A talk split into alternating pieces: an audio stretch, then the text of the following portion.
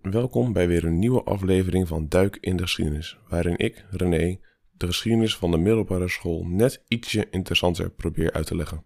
En waar je naar kan luisteren als je niet hebt geleerd, maar toch je kamer nog moet opruimen.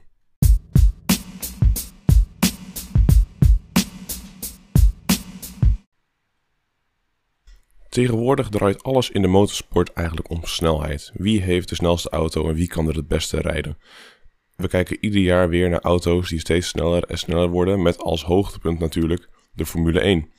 En al helemaal dit jaar met Max Verstappen die wereldkampioen werd. Maar vroeger was dit net iets anders. De allereerste autorace die werd gehouden had namelijk een eh, topsnelheid gemiddeld van wel 16 km per uur. En hierbij was de snelheid ook niet het allerbelangrijkst, maar er werd ook gekeken naar hoe comfortabel de rit was en hoe makkelijk de auto was te onderhouden. Je kan dus zeggen dat de motorsport uh, aardig is veranderd, maar waar is die eigenlijk begonnen? Tijdens de jaren 1880 deden de eerste benzineauto's hun intrede in Europa. Maar deze auto's waren eigenlijk vooral luxe producten en waren eigenlijk niet bedoeld om van A naar B te komen voor het normale volk. Dat was alleen voor de aller, allerrijkste. Weinig mensen dachten ook dat de auto op korte termijn het vervoersmiddel zou worden uh, in plaats van de koets. Nog veel minder leken de mogelijkheid voor autoraces serieus te nemen. Een Frans tijdschrift uh, besloot in 1887 de eerste wedstrijd tussen auto's te organiseren. Maar deze ging niet door omdat er maar één deelnemer op kwam dagen. De allereerste autorace zou het initiatief worden van een Fransman genaamd Pierre Givard. Mijn Franse uitspraak is niet zo geweldig, maar we doen het er maar mee. Hij was de hoofdredacteur van een van de populairste kranten in Frankrijk van dit tijd. Hij had uh, met zijn krant al verschillende keren uh, succesvolle wedstrijden opgezet voor fietsen. Maar hij wilde nu ook een keer iets proberen voor de auto's.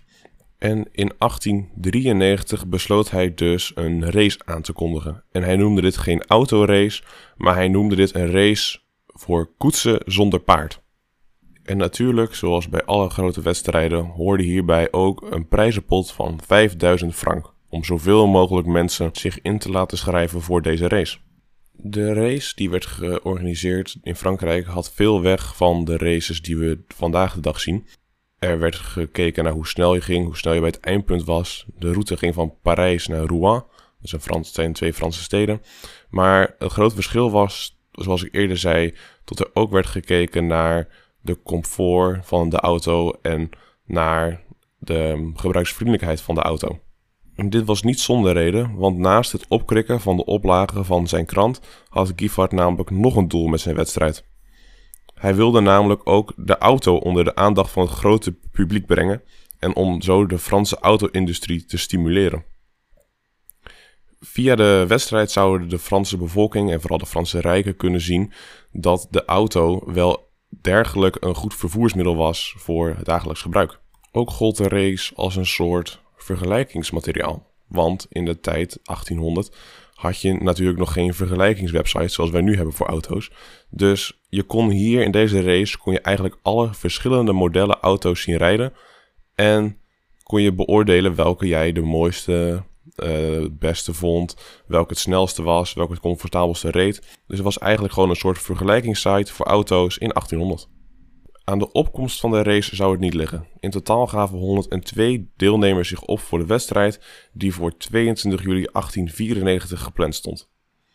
Echter, in de drie dagen voorafgaand aan de race werden de auto's onderworpen aan vele tests. Dit gebeurde in de open lucht, zodat veel toeschouwers eh, mee konden kijken en zo, tot het zo transparant mogelijk was. En uit, vele tekst, uit de vele tests die af werden genomen, bleek eigenlijk dat heel veel auto's niet geschikt waren om mee te doen aan de wedstrijd. Ze waren te onveilig, ze waren te onpraktisch. Uh, en dan werd je gewoon gedisqualificeerd. Maar dan eindelijk, na al die tests van drie dagen lang, in de ochtend van 22 juli vertrokken de overgebleven deelnemers uit Parijs. Dankzij enorme publiciteitscampagnes, enorm veel reclame, uh, had de race erg veel belangstelling van het Franse volk. Veel ehm, boeren en mensen op het platteland hadden nog nooit een auto gezien. Dus die waren vanuit alle hoeken gekomen om te kijken naar deze nieuwe technologie. Er stonden duizenden toeschouwers langs de wegen die van Rouen naar Parijs gingen. En dat was niet zonder uh, enig gevaar, want uh, tijdens de hele race werden er niet minder dan zeven honden aangereden en een fietser. Ook lag het gemiddelde door het grote aantal publiek en de onverharde wegen niet heel hoog. Zoals ik in het begin al zei, de gemiddelde snelheid van de auto's die over de finish zijn gekomen lag rond de 16 km per uur. Nou ja, dat fietsen wij tegenwoordig en dat fietsen ze toen ook al. Dus in principe was het um, niet veel sneller geworden, maar het was altijd sneller en comfortabeler dan een koets. Van de 21 auto's die mochten starten, uh, zijn er uiteindelijk 17 over de finish gekomen in uh, Rouen. En verrassend genoeg was dit Albert Dion, die, met, die als eerste over de finish kwam met een tijd van 6 uur en 48 minuten. Deze prestatie was vrij opmerkelijk, aangezien hij onderweg uh, naar de finish de weg was kwijtgeraakt en een aardappelveld was opgereden. Even voor de vergelijking. De winnaar van deze race deed er dus 6 uur en 50 minuten bijna over. Ondertussen doen wij met de huidige auto doen wij over dezelfde reis 2 uur en 5 minuten. En dan ga je ervan uit dat het verkeer een beetje mee zit. Maar laat je zeggen, je doet er nu maximaal 3 uur over met de auto. Terwijl ze er toen nou ja, bijna zeven overdeden. Ondanks dat um, meneer Albert de Dion als eerste over de finish was gekomen, heeft hij uiteindelijk de hele race niet gewonnen. Want, zoals eerder al gezegd, er werd ook beoordeeld op comfort en gebruiksgemak. En hiermee liep zijn auto ver, ver, ver achter. Een andere auto van het team van Peugeot liep hier namelijk ver op voor. En uiteindelijk moesten zij dus uh, de eerste plaats delen. Nou ja, het prijzengeld moesten ze delen. Peugeot werd eerste in de race officieel. Maar het prijzengeld deelden ze over de teams. 2.500 frank per persoon. Hoewel deze eerste race niet echt een groot spektakel was volgens de normen van vandaag de dag, heeft het wel een enorm belangrijke functie gehad. Deze race was de eerste allergrote autorace die ooit was gehouden en een succes was geweest. Het heeft de autoraces echt op de kaart gezet. Je, ziet ook dat uh, ongeveer anderhalf jaar later weer autoraces worden georganiseerd in Frankrijk en ook Duitsland, Oostenrijk en de Verenigde Staten volgen. De evenementen die um, zetten echt de auto op de kaart en die uh, lieten zien dat het een praktisch vervoer, vervoersmiddel was. Dus zonder deze races van 16 km per uur hadden we misschien nu wel um, niet met de auto rondgereden, maar nog steeds met de koets.